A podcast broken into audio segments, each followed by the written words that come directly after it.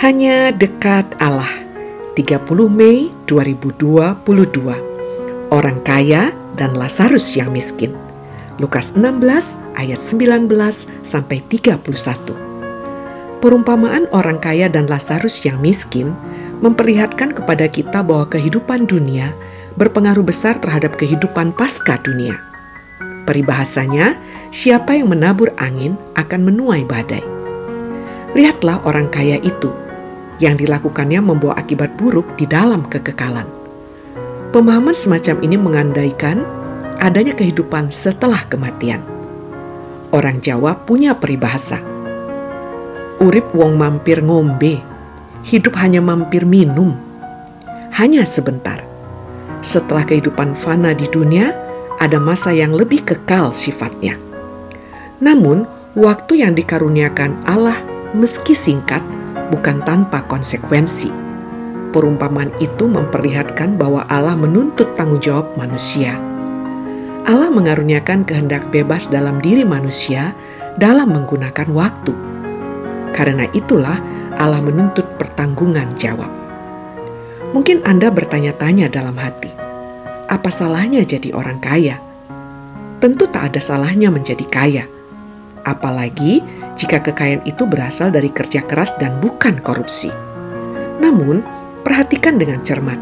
Yesus memulai kisahnya dengan ada seorang kaya yang selalu berpakaian jubah ungu dan kain halus.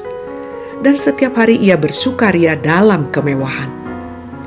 Dia memang kaya, pakaiannya mahal dan hidupnya mewah. Bisa jadi kekayaannya itu merupakan warisan orang tuanya. Lalu mengapa pula dia mesti masuk neraka? Apakah dia masuk neraka karena kekayaannya atau karena apa? Sejatinya bukan karena kekayaannya. Tak ada salahnya menjadi kaya. Persoalan orang kaya itu adalah tidak peka lingkungan.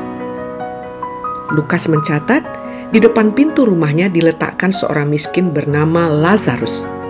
Badannya penuh dengan borok. Ia ingin mengisi perutnya dengan remah-remah yang jatuh dari meja orang kaya itu anjing bahkan datang menjilat boroknya.